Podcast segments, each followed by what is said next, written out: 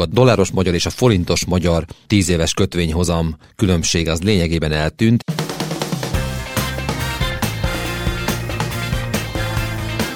Egy tőzsdei bikapiacnak a legvégső stádiumába kezdünk belépni. Szevasz Ricsi, hello Tomi! Szia Áron! Csütörtökön, egész pontosan délután egy órakor veszük fel ezt a beszélgetést, amikor is 381 forint az euró, múlt héthez képest néhány forintot gyengültünk, viszont a mai eh, délelőtthez képest egy picit visszerősödtünk.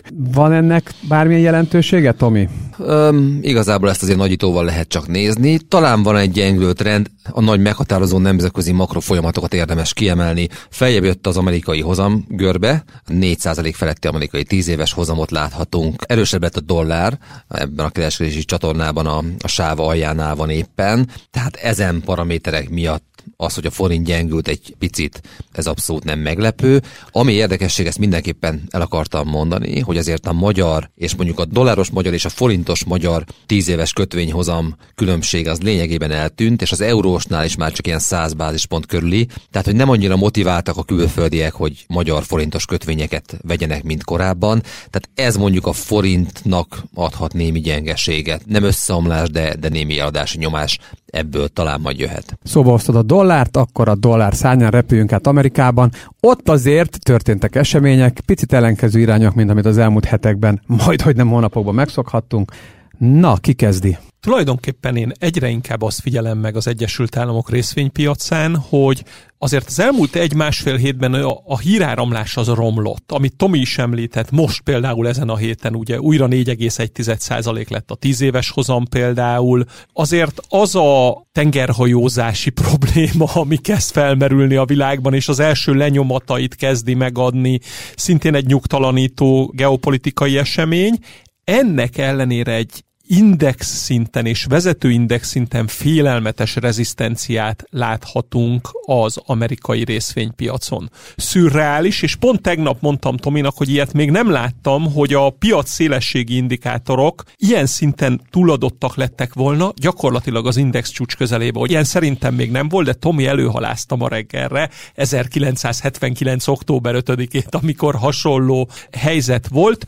Gyakorlatilag lefordítva nagyon egyszerű nyelvezetre ezt a dolgot, én egyre inkább azt figyelem meg, hogy egy tőzsdei bikapiacnak a legvégső stádiumába kezdünk belépni, vagy már vagyunk benne, szuper szelektív a piac, amibe szerelmes, abban nagyon szerelmes, és ez a három részvény, amit nagyon kiemelnék. Most már tulajdonképpen azt tudom mondani, hogy ez a káprázatos hetes, ez egy káprázatos hármassá szűkült, aztán Van Man lesz a legvége, vagy ki kell találnunk, hogy melyik lesz az a Van Man a régi tőzsdei analógiák alapján, ami ott maradhat. Ez a szent háromság jelen pillanatban pedig az Nvidia, Microsoft, Meta Platforms, nyilván az AMD-t muszáj megemlíteni emellé, de ugye az nem egy súlycsoport, tehát a legmagasabb ezer milliárd milliárdos vagy akörüli súlycsoportban ez a három részvény szupererős. Bármelyik nap beleadás van, a nap végét, a nap második felét nem adják oda a medvéknek ezekbe a papírokba,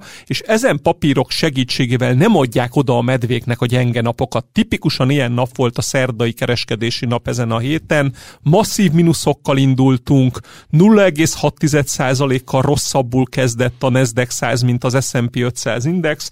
Nap végére ugyanúgy bő fél százalékos esés volt szinte század pontra mind a kettőben, és a mai csütörtök primárkedben már új életük csúcsát figyelhetjük meg a Microsoftban és az Nvidia-ban. Van egyébként egy közös motivum ezekben a papírokban, azért a mesterséges intelligencia sztorit mindenkire rá lehet húzni, az Nvidia abszolút egyértelmű jelölt erre, de az AMD-n is folyik ez a fajta becsatlakozása a félvezető piacon, de a metának minden nap érkeznek ugye AI fejlesztése, a Microsoft pedig ugye ezt lovagolja most már folyamatosan, tehát ez egy közös motivum mindenképpen. Tulajdonképpen úgy néz ki, hogy a 2023-as sztoripapírok, vezetők az AI-ra felfűzve, azok 24-ben is találnak még vevőket, és ez a fajta piaci koncentráció, amiről tavaly sokat beszéltünk, ugye egyre kevesebb papír adja a piac emelkedésének mind nagyobb részét, ez tulajdonképpen 2024-ben is folytatódik. Hogyha ránézzük az elmúlt egy hét teljesítményére, akkor rengeteg szétvert amerikai papírt látunk újra. Pont ez volt a kérdésem már Ricsinél is, de aztán most meg még inkább ez a kérdésem, hogy mi van akkor, ha az a forgatókönyv valósul meg, hogy volt a, a káprázatos 7-es, 5-ös szűkült, most káprázatos 3-as van, lehet, hogy a végén marad egy káprázatos egyedüli papír. Hegylakószerű egy hegylakószerű, válni, de igen.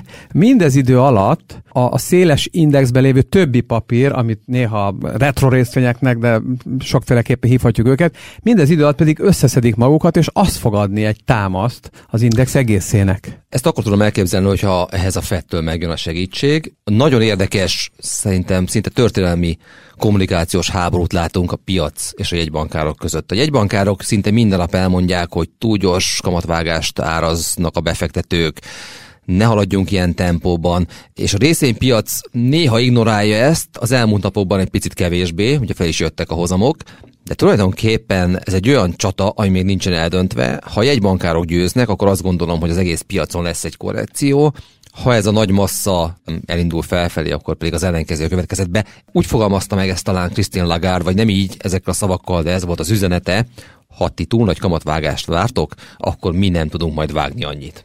Mert hogy a monetáris kondíciók annyira lazulnak, és tulajdonképpen ez a húzavona lesz szerintem meghatározó így a, a világ többi részvénypiacán, most kihagyva ebből ezt a néhány jó papírt. Én nagyon-nagyon azt látom, hogy azok a papírok, ahol az árfolyam mozgás első számú drivere a fogyasztó, azok már tavaly is szenvedtek relatíve óriási mértékben a mesterséges intelligencia sztorihoz képest, de az idei évnek a nagyon nagy újdonsága, ugye a káprázatos hetesből kettő papír lefelé kivált. Az Amazon és az Alphabet az relatíve úgy normálisan jól teljesít, viszont az Apple és a Tesla mind a grafikonokon, mind a valódi értékesítésekben egyre látványosabb rossz hírek, leminősítések, árcsökkentések, olyan hírek jönnek, amiket nem szeretne látni a befektető. Például az árazási erő most már a Teslán túl az Apple-nél is kicsike-kicsike kérdőjelek kezdenek érkezni ide és éppen ezért viszont rövid távon, tehát néhány napos, néhány hetes időtávon viszont a piaci megfigyelőknek van egy fantasztikus lehetőségük. Egyrészt van a piedesztál, amire föl van emelve ez a hármas, tehát az Nvidia, Microsoft Meta Platforms, másrészt van a büntetőpad, ahol ül a Tesla és az Apple. És az ilyen napokon, mint a, a szerdai kereskedési nap, azt lehet nagyon-nagyon jól megfigyelni, hogy melyik rántja fel vagy le a másikat. És ez a következő heteknek is egy nagy kérdése lesz, hogy lefelé Dugovics Titusként a Tesla és az Apple rántja ele majd magával a piacnak a többi részét, itt a vezető papírokra gondolok, vagy a Teslában és az Apple-ben is lesz egy fellélegzés, még valamennyire visszahúzzák őket, és a többi papírban pedig láthatunk egy mániákus végjátékot. Tehát szerintem én nem azt mondom, hogy követelem a piactól, de a 2009 óta tartó 15 éves bika piacnak a legvégére illene oda tenni legalább néhány papírban egy szeparált mániát. Egyébként, hogy mennyire hiperkompetitívek az amerikai váltók, jó példa a Tesla, hiszen pont ma jött ki a szám, hogy 17 hónapja először csökkent az európai autóértékesítés decemberben, és az az elektromos autó megrendelés állomány elég komolyan csökkent, többek között például a német támogatási rendszer megszűnt, egyebek, a Tesla szinte azonnal reagál erre. Tehát a tegnapi árcsökkentések, drasztikus árcsökkentések a Model Y esetében, főként Európában. Tehát ez a cég ez nem vár hónapokig, hogy majd megjavul a helyzet, ezek kőkeményen versenyeznek, árat csökkentenek, próbálják a volumennel elvinni a piacot. Nagyon-nagyon nehéz piaci helyzet teremt a Tesla a többi gyártó számára. Tehát látszik, az amerikai cégek azok elképesztően kompetitívek. A legelején a beszélgetésnek volt egy pici szó geopolitikáról, a hajózással kapcsolatban, a nemzetközi hajózási nehézségekkel kapcsolatban. Na, egy beszélgessünk erről még egy kicsit, hogy mi a legfontosabb fejlemény a geopolitikában? Donald Trump Biden, amerikai választások. Hát ez a két nagy dolog van most jelen pillanatban, vagy hát ugye három a tajvani választások után, de ott egy picikét most letekerték a hangerőt, a kínai piac szenved, gyarasztos makrók jönnek ki, de talán a tajvani newsflow az nem annyira érdekes jelen pillanatban, mert hogy a papírform és egy ilyen középutas megoldás született. A közel-keleten úgy tűnik, hogy belecsúszunk egy ilyen harmadik világháború-szerű dologba, csak ugye ez nincsen deklarálva, vagy most indult el, de hát a legutolsó hírek szerint már Irán és Pakisztán éppen egymást kezdi el lőni, Tehát azért az eszkalációt úgy lehet érezni, Amerika abszolút nem akarta ezt, egyébként a többi öbölbeli állam sem, de van olyan, hogy az események azok ugye elindulnak és mennek a maguk útján. Nem feltétlenül determinált, hogy ennek egy ilyen nagy globális konfliktusba kell átcsapnia, vagy, vagy regionális háborúba ott a közel-keleten, de, de azért nem szép az, ami, az, ami zajlik. És akkor a másik oldalon pedig volt az Iowa-i jelölőgyűlés a republikánus pártban, ahol Donald Trump hozta a papírformát, nem született nagy meglepetés, mert igazából a pollok ezt már mutatták, de egy dolog nagyon látszik, hogy a Trump elnökség az egy, az egy rendkívül valószerű forgatókönyv, és egyre inkább készülnek az emberek. Egy dolgot hagy mondja, hogy Jamie Dimon JP Morgan vezér, a világ legnagyobb bankja, a leghíresebb bankáráról van szó, aki tulajdonképpen ekészte a demokrata pártot és megdicsérte Trumpot különböző politikai, illetve gazdaságpolitikai kérdésekben. Tehát látszik, hogy fedezi a pozícióját, nyilván a legnagyobb amerikai bankként nem lehet rosszban a leendő új elnökkel.